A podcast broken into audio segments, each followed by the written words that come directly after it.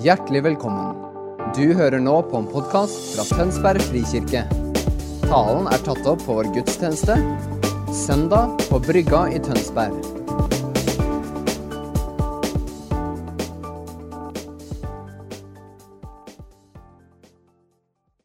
Nå har vi vært i, i tilbedelse og i en modus på en måte en stund. Og så skal vi fortsetter sammen med Den hellige ånd og Jesus og Faderen. Men nå skal jeg dele litt, og så skal vi forhåpentligvis komme litt tilbake igjen på det sporet som vi landa i her nå på slutten. Good. Du, Jeg har lyst til å begynne med en uh, historie som jeg tror kanskje mange av dere kan kjenne dere igjen i. Jeg kan i hvert fall kjenne meg veldig igjen ja. Og det var på, jeg tror det var kanskje et par år siden så var vi på Menighetsviken. Og så har jeg drevet og spilt litt og synge litt og leda av og til litt lovsang. Og da var det jo sånn at jeg var med og leda litt lovsang og spilt litt. Og så var jo det fint kanskje bitte grann i begynnelsen. Og så følte jeg bare at jeg spilte masse feil og bare messa opp. Og fikk sånn satt på scenen der og kjente bare nå har jeg bare lyst til å løpe ut av dette stedet. Og jeg tenkte bare, Hadde det ikke vært noen folk her nå, så hadde jeg bare spurta ut og bare på en måte glemt at dere var der. Og var skikkelig sånn flau og sto der og spilte bare sånn åh, dette er kjipt. Um, det hender av og til, ikke heldigvis hver gang, men det skjer. Og så, sto jeg, og, så og så, så jeg ned liksom i salen, og så så jeg heldigvis på en kompis som satt der nede. Og Idet jeg så på den personen, så skjedde det noe i meg. Så tenkte jeg, Uten at jeg prøvde å få det til å skje, men jeg bare tenkte i det øyeblikket åh, jeg gleder meg til jeg kan gå og fortelle den personen om denne opplevelsen, her, for da kommer jeg til å få en klem.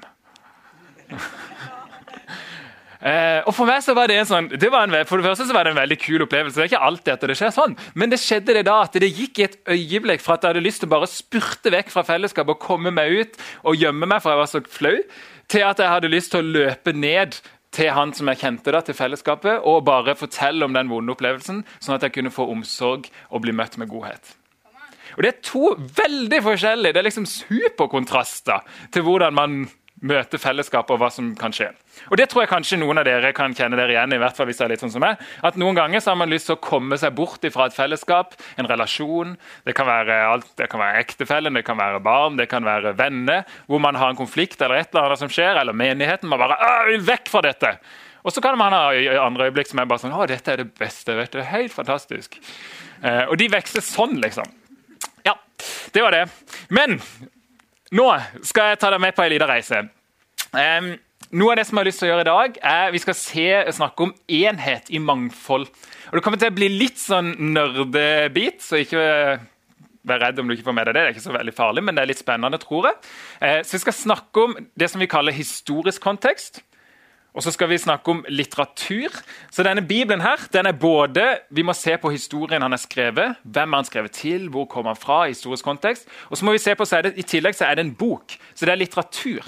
Ikke sant? Så Når vi leser denne, så er det bøker det er skrevet som litteratur. Så vi skal se på hvordan er han skrevet litteratur. Og så skal vi se på hva er det budskapet er. Så jeg skal prøve å ta dere med gjennom de tre delene. Først tre minutter om skapelsen. Jeg må sette tid på meg sjøl, for ellers så forsvinner jeg bort. Så nå ser jeg på klokka. nå 2.50. Ok, Det er forskjellige paradigmer som vi kan møte skapelsesfortellinga i Bibelen på. Den som veldig mange er vant til, inkludert meg selv, er vant til, er at skapelsen handler om hvordan ting oppsto, hvordan ting er skapt. ikke sant? Hvordan skapte Gud ting materielt? Hvis jeg tenker hvordan er det noe eksisterer Denne eksisterer fordi at han har materie. ikke sant? Han er er, hvis jeg skaper denne, så skaper jeg den ut av ingenting, og så blir det noe materielt. Det er sånn vi tenker skapelse.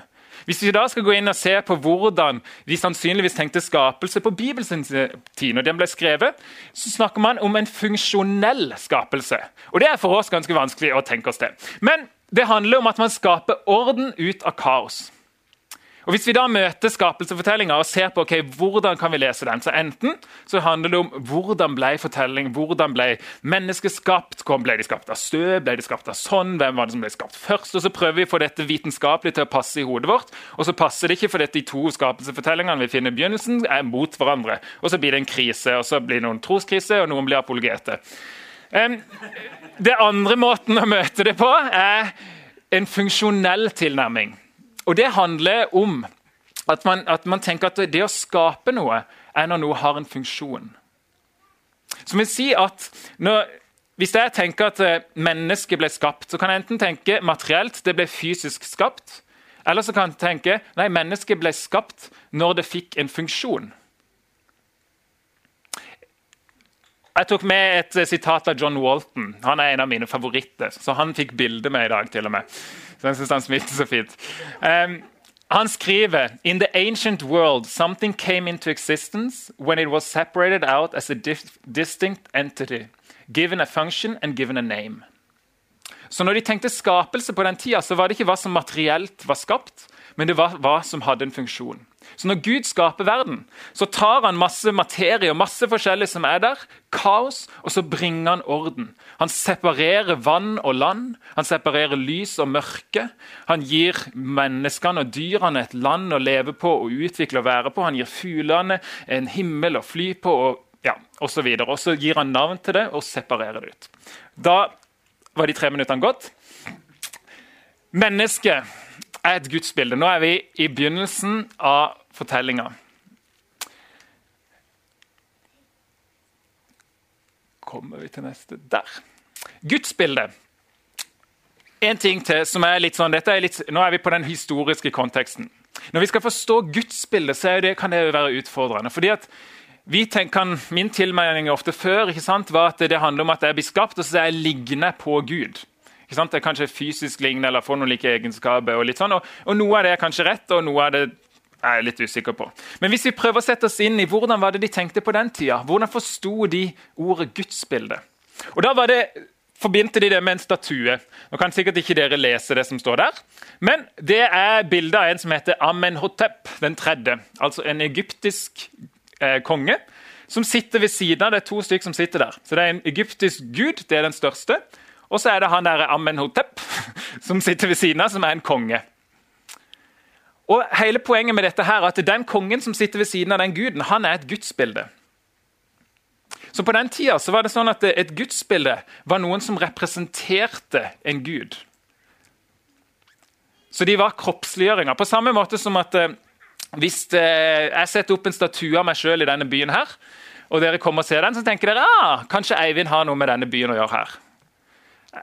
Hadde jeg satt den opp overalt i Norge, så hadde jeg tenkt ah, kanskje Norge er Eivind sitt land. Kongene, ikke sant? Vi gjør fortsatt dette. Vi setter opp statuer av folk for å vise at det tilhører og representerer noe. Så Guds tilstedeværelse. Guds bilde viser at Gud er til stede. Det er Guds måte å være til stede i skaperverket på. Så når Gud skaper et gudsbilde i, sitt, i sin verden, så er det bildet på at Gud er til stede. Altså Vi er faktisk måten som Gud er til stede. Vi er Guds hender og føtter i denne verden. Guds representanter som styrer jorda på vegne av Gud.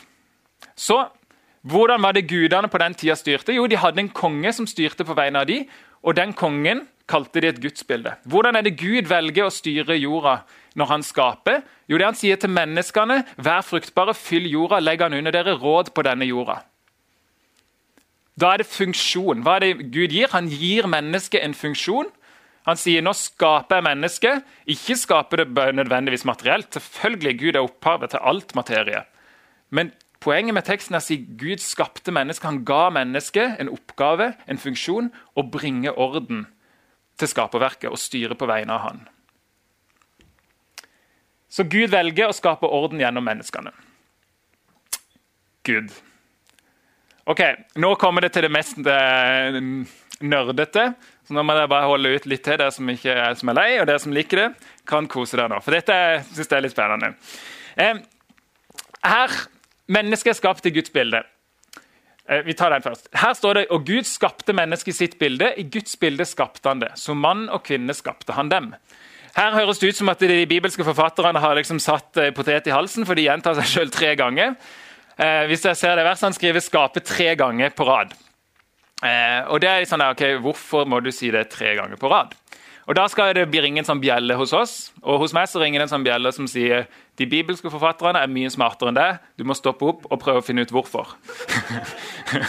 eh, og Det tror jeg er en god bjelle. Det er noen som har lært meg. Så Hvis vi stopper opp, da, så skal vi se på dette verset. Hva er det egentlig vi kan gjøre med det? Så jeg har delt det opp. Eh, tatt det kommer en del til på øyeblikk. Her ser dere. Nå snakker vi litteratur. Dette er liksom diktanalyse som dere drev på med for mange år siden. noen av dere, og noen som kanskje driver med enda. Um, her ser dere de to første setningene. og Gud skapte mennesket i sitt bilde. Neste setning. Guds, I Guds bilde skapte han det. Hva er forskjellen på de to setningene? Det er at han har bare flytta Guds bilde, sitt bilde, først. Ser dere det? Han har bare bytta om plass på de to. Så Egentlig så sier han akkurat det samme i de to setningene. Det eneste han har gjort, han har, Istedenfor at han sier Gud, så skriver han han, og mennesker skriver han det. Men det er egentlig akkurat det samme. Du sier, Han gjentar egentlig bare seg sjøl. Men nå kommer siste del. Det var tre. Så er det tre skape, tre verb, som er det samme. Skapte, skapte, skapte. Så vi leser disse setningene sammen. Og da kan vi se, Nå forstår vi kanskje grunnen til at han sier 'flytte dette bildet først'. Og Grunnen til det er at i neste setning så finner vi det som vi kaller en parallell setning. Og Da kommer den sånn. Parallelle linjer. Ok, Nå er vi på ekstremt nerdnivå, men jeg tror dette kan være litt spennende for dere. Eh, det er to parallelle. Se dere at I Guds bilde skapte han det, som mann og kvinne skapte han dem. Ser dere at de er veldig like i oppbygginga? Fargemessig, når jeg prøvde å merke liksom, for å vise det. Men forskjellen er at det gudsbildet som er gult Ser dere at det er I første omgang så refererer det til mennesket. Som det er Adam som står der, som er kanskje menneskeheten. Som er en, en, på en måte én stor ting. I neste setning så er det Guds bilde. andre setning nummer to, det er fortsatt én stor ting. Men i siste setning så er det mann og kvinne som er Guds bilde. Så det Forfatteren har gjort at han viser at det, Guds bilde består ikke bare av entall, men det består av mannen og kvinna.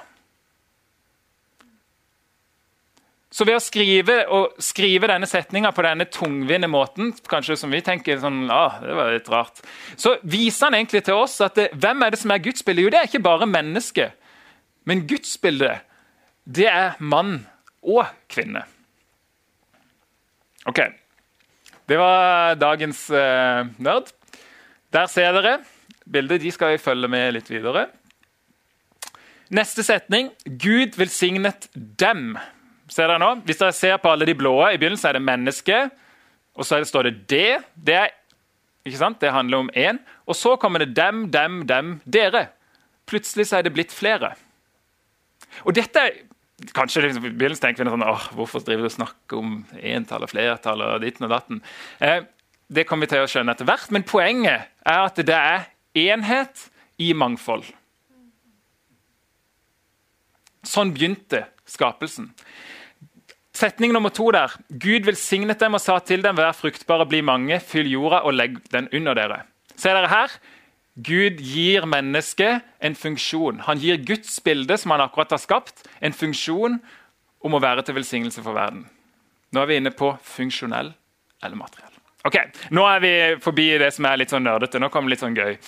Um, her står det Dette er, det er to skapelsesfortellinger i Bibelen. Den ene er at Gud, den som vi akkurat leste, og den andre er at Gud tar liksom halve, han tar halvdelen eller halve sida, eller ribbein er det mange som sier, men det står egentlig halvdelen av Adam, og så lager han Eva. Så det begynner som to, og så blir de én i den ene fortellinga, og i den andre fortellinga begynner de som én og blir to. Vi leser her. Derfor skal mannen forlate sin far og sin mor og holde fast ved sin kvinne. Og De to skal være én kropp. De gikk over hverandre. Det skulle egentlig ikke skje. Den, eh, det funka veldig fint før i dag. Men det ble jo veldig fint. da, De ble jo en kropp allikevel. Begge var nakne, både mannen og kvinnen, og de skammet seg ikke for hverandre. Der kom han, ja. Slangen var listigere enn alle ville dyr som Herren Gud hadde laget. Den sa til kvinnen prikk, prikk, prikk. OK, nå skjer det noe. Å nei. Å nei.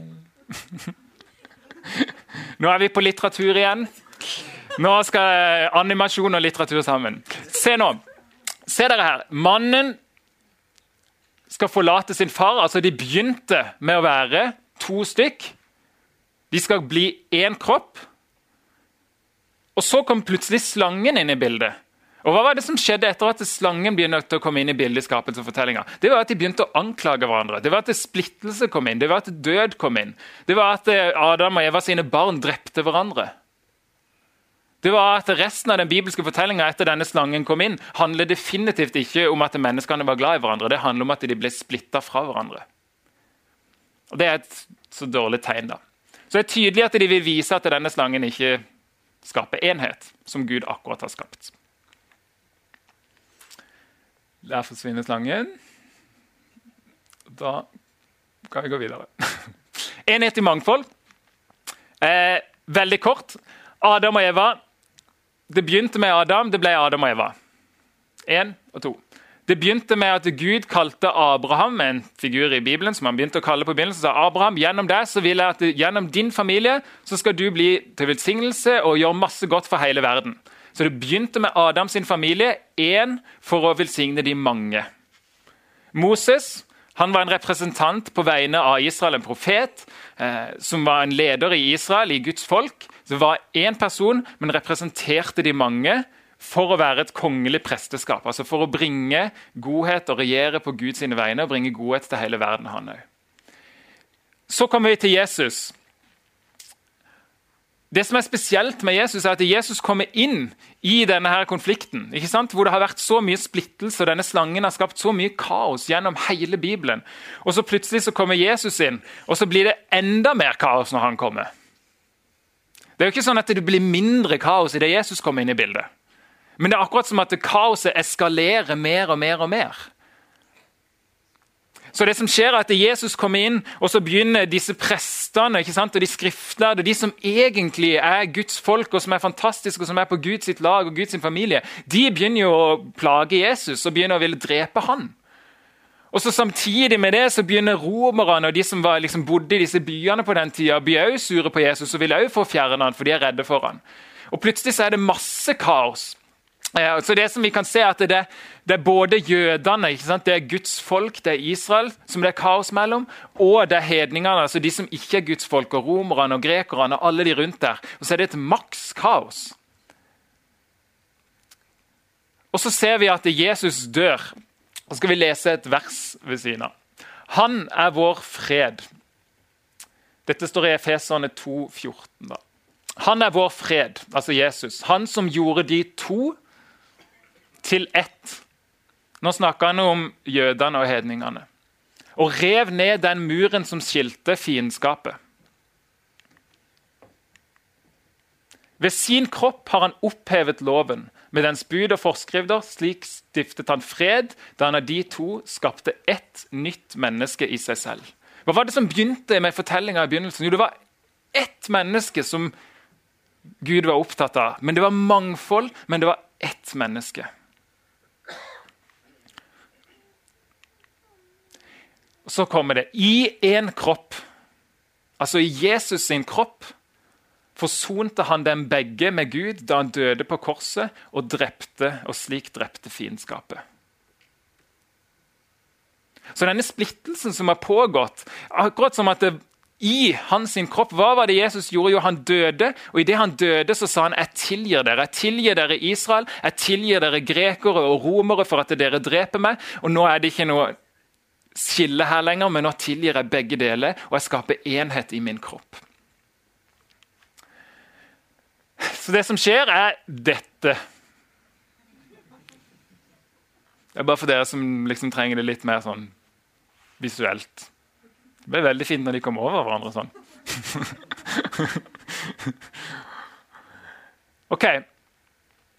Maktene og åndskreftene. Nå skal vi snakke kort på slutten om ok, hva, hvordan lander dette i oss? Hva betyr dette for oss? Det samme gjør Paulus i Efeserbrevet. Han begynner så skriver han veldig mye sånn teologi og maler ut denne historien om Israel og jøde. og For oss kan det virke litt sånn irrelevant.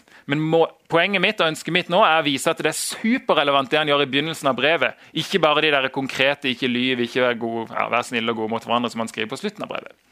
Men det henger sammen. Og det skal vi se på nå. Så Mot slutten av brevet i Efeserne så skriver Paulus Vær hverandre underordnet i ærefrykt for Kristus. Og så begynner han. Mann og kone skriver han om hvordan mannen og kona skal være ett, på samme måte som Adam og Eva. Kristus og kirka han lag, sier at mannen og kona er et bilde på hvordan Jesus og kirka, altså sitt folk, skal være ett. Og Så tar han opp tematikken med foreldre og barn. Er det noen som har opplevd splittelse med barna sine noen gang? Nei, ingen foreldre. Men det er veldig vanlig, i hvert fall. Dere. Det er veldig vanlig å ha liksom, at man ikke alltid er fornøyd eller sånn, alltid er god connection med barna, men det hender. Eh, så, så, det er en veldig relevant relasjon å skrive om. Eh, men det går jo opp og ned. ikke sant? Og så skriver han om jordiske herreslaver. Det er litt vanskelig for oss å forholde oss til. Eh, det har rekker vi ikke prate om nå. Men, men, det er i hvert fall et poeng at det er to ulike parter her som dere ser, som han snakker om at det skal være ett. Han sier ikke at vi må bli like, men han snakker om hvordan vi kan være ett som ulike parter. Og Hva er det han har snakka om tidligere? Jo, da snakka han om jøde og greker, nei, om jøde og hedning. Og nå tar, akkurat som han sier at det, det, som gjelder mellom disse jødene og hedningene, nå gjelder det i familien din, mellom ektefellene deres. Liksom. Mellom, mellom barn og far.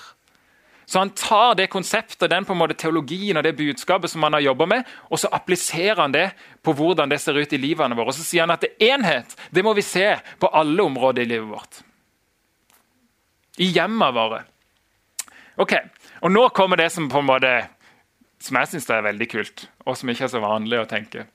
Men det er at det neste verset er til slutt så Først så skriver han ikke sant, dette her med enhet, og så kommer han til slutt. Bli sterke i Herren i Hans veldige kraft. Ta på Guds fulle rustning. Det har noen av dere hørt før. Så dere kan stå dere imot djevelens listige knep, for vår kamp er ikke mot kjøtt og blod hva er det som er vanlig når man blir sur på kona si? Det er jo at kampen blir med kjøtt og blod. Ja, det, det, høres jo veldig dramatisk ut, men det er ikke alltid det blir blod. Men, men, poenget er at det er veldig lett å bare tenke at eh, Oi, det er det eneste som foregår. ikke sant? Og så akkurat som Paulus har et poeng her, Han vil si at det, det, denne enheten her, det handler ikke bare om om det, på en måte deres relasjon. Men det er noe mer som foregår her. Det er en større historie her. Det er en slange som begynte å ødelegge. Og På den tida når de leste slange, så var det ikke sånn å, det var et spennende dyr som kunne prate. De var liksom ikke dumme på den tida heller. Men de, det var en gud for dem. Så når de så den slangen som kom inn og som prata, måten det er skrevet på, og ord og sånn, er gudespråk som vil si at Når de så det, så så de som akkurat her er det åndelig, et åndelig vesen. Eh, det som Paulus kaller makter og åndskrefter. Som prøver å ødelegge og som skaper splittelse. Vår kamp er ikke mot kjøtt og blod, men mot makter og åndskrefter. Mot verdens herskere i dette mørket, mot ondskapens ånde her i himmelropet. Så på en eller annen grunn så har han et behov for å skrive om disse mann og kone, disse hjemmelige relasjonene. Og så har han et behov for å skrive om kjøtt og blod, åndskreft og makt og myndighet rett ved siden av. Og det er jo, For oss er det jo, Ønsket mitt er bare at vi skal begynne å reflektere i de banene. Vi rekker ikke å snakke om hva alle disse tingene betyr. Eh, men jeg ønsker at vi skal begynne å reflektere sunt. Ok, Her er det kanskje noe mer som foregår i relasjonene våre. Så disse maktene og åndskreftene som Paulus beskriver i Gamle testamentet, så kan de se ut som eh, slangen, og de får ulike bilder eh, gjennom Bibelen som følger oss. da. Så hvorfor enhet? Det spurte jeg meg. Hvorfor Gud? Hvorfor begynner du med den der enheten? Hvorfor er det så viktig for meg? liksom? Hvorfor skal, jeg, hvorfor skal vi snakke så mye om enhet? og Hvorfor er det så viktig? egentlig? Hva er det som er poenget med det? Hva er kraften i det? liksom? Eh, og Noe av det som er kom fram til at det, det er en vanvittig kraft i å være ulike. Hvis man tenker det er veldig lett for meg å være greie mot folk som er greie mot meg. Det er veldig lett for meg å henge med folk som er veldig like som meg. Det er veldig lett.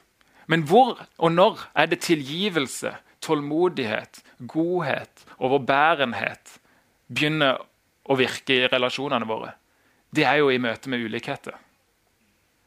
Når jeg blir tvungen til å være i relasjon, eller velger å være i relasjon med noen som er ulik enn meg, så blir jeg tvungen til å finne en enhet som går forbi ulikhetene våre.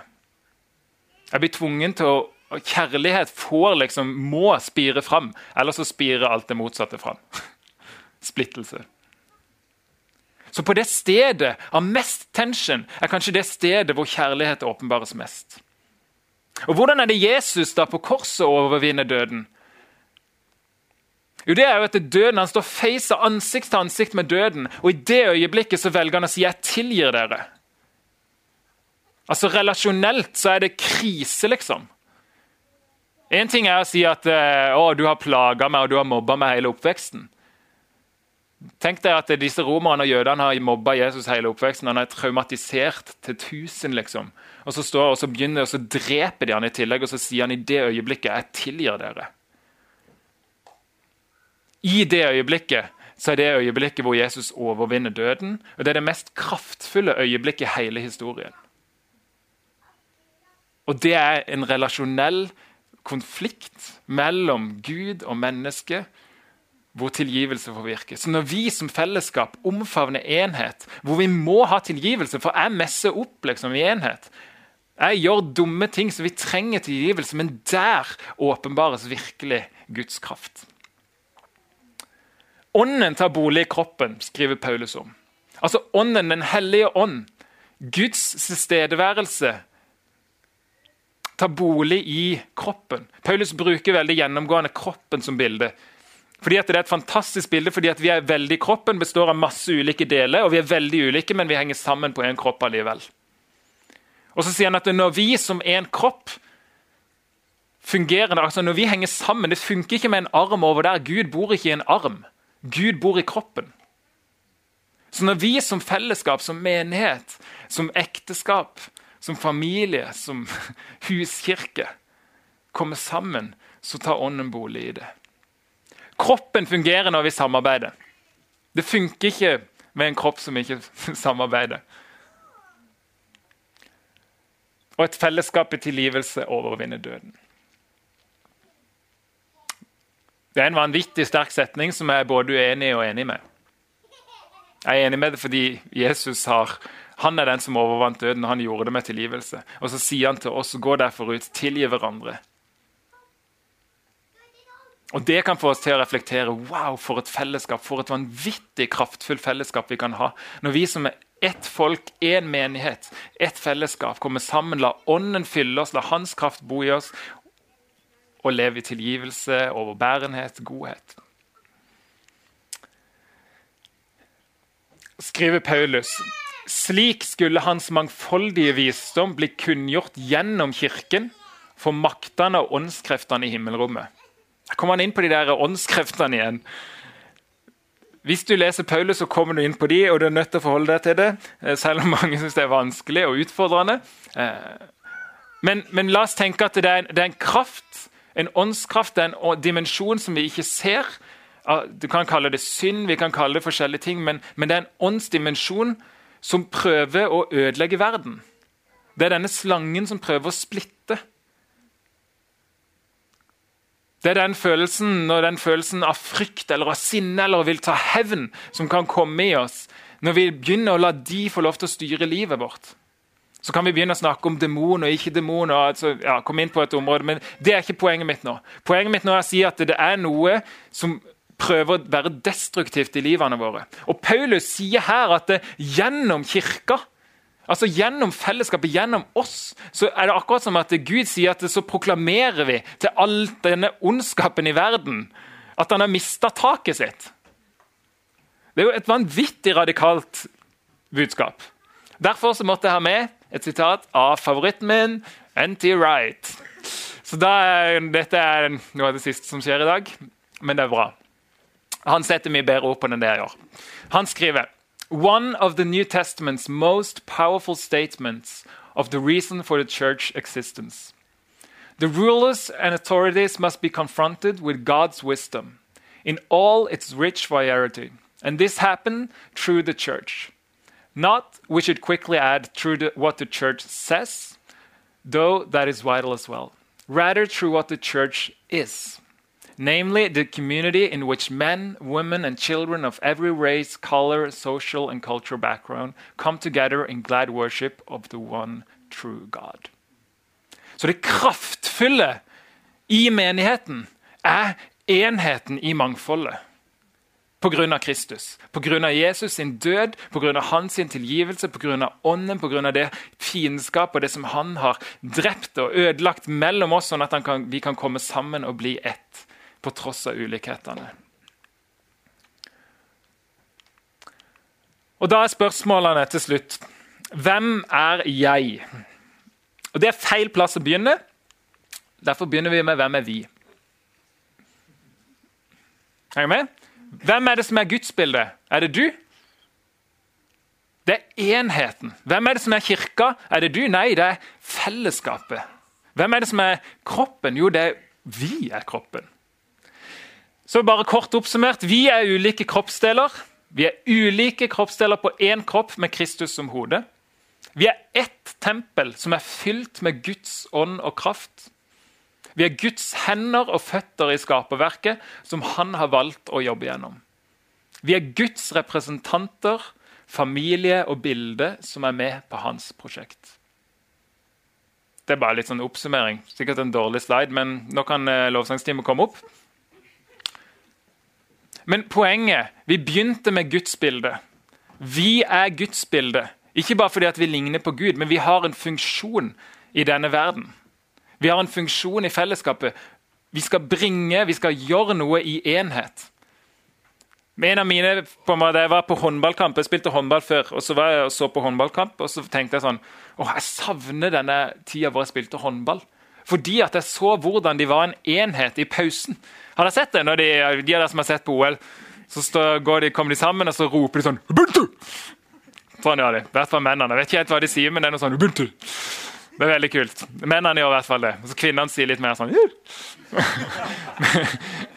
Men poenget er at de er en enhet. Ikke bare fordi de er ett, men de har en funksjon, de har en hensikt. Det er ingen av dere som bare eksisterer for å bare være her. Men vi har en hensikt, vi har en funksjon. Sammen. Vi er et gudsbilde som har en funksjon. Vi eksisterer ikke bare materielt. Og Da kan vi spørre det siste spørsmålet som er til dere. Hvilken funksjon har du? Det har forsvunnet litt bokstav og litt forskjellig her, men det er egentlig bare denne setninga her som skal være der.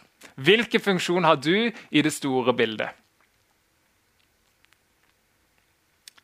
Hvilken funksjon har du i det store bildet?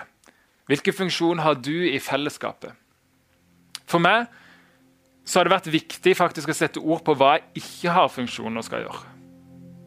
Fordi at det er så lett å tipper mange av dere, inkludert meg sjøl, ha skapt Jeg har kalt han Kristen-Eivind. Hvor jeg har liksom skapt et bilde av meg sjøl som den ideelle kristne, hvordan han burde være. Og han Kristneiven han er definert av alt som jeg har lært opp gjennom og hørt forkynt og hørt er bra og viktig av alle mulige folk, og hva jeg har lest sjøl, og en blanding av masse ting. Og så har jeg lagd et ideal av hvordan jeg burde være som en ideell kristen, og så prøver jeg å strekke meg etter det. Problemet er jo bare at det, det er jo ikke sikkert at det, funker, og at det aldri kommer til det idealet der.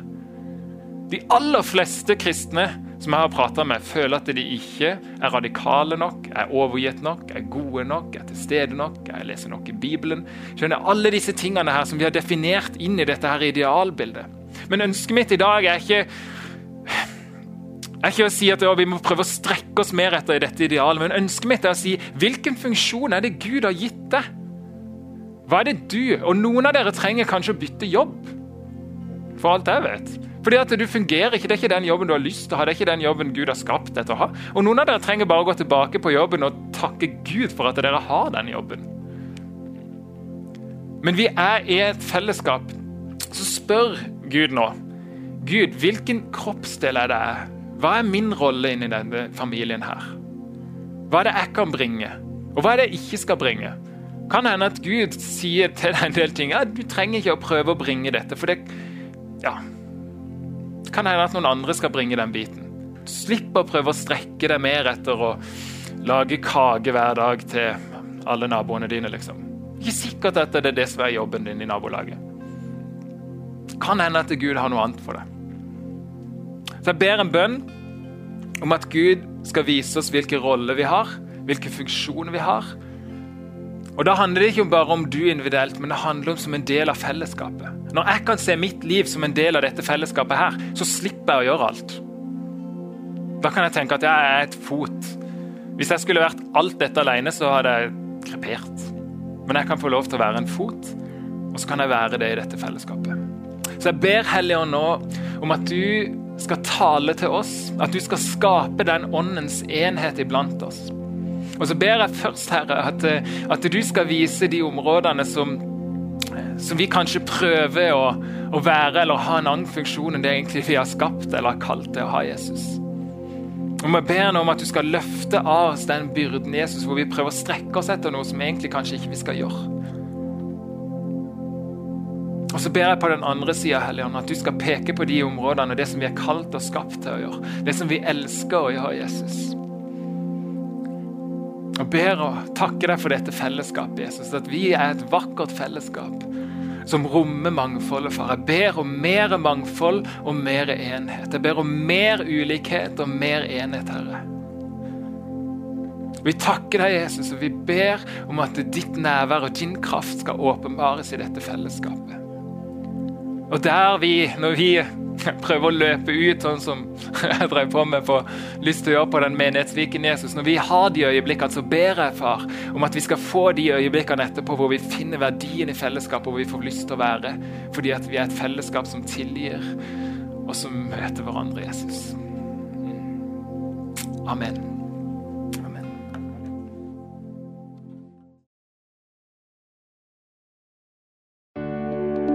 Takk for at du hørte på vår podkast. Har du spørsmål eller ønsker du å vite mer? Søk oss på vår nettside tonsbergfrikirke.no. Du er også velkommen til kirke på Brygga i Tønsberg.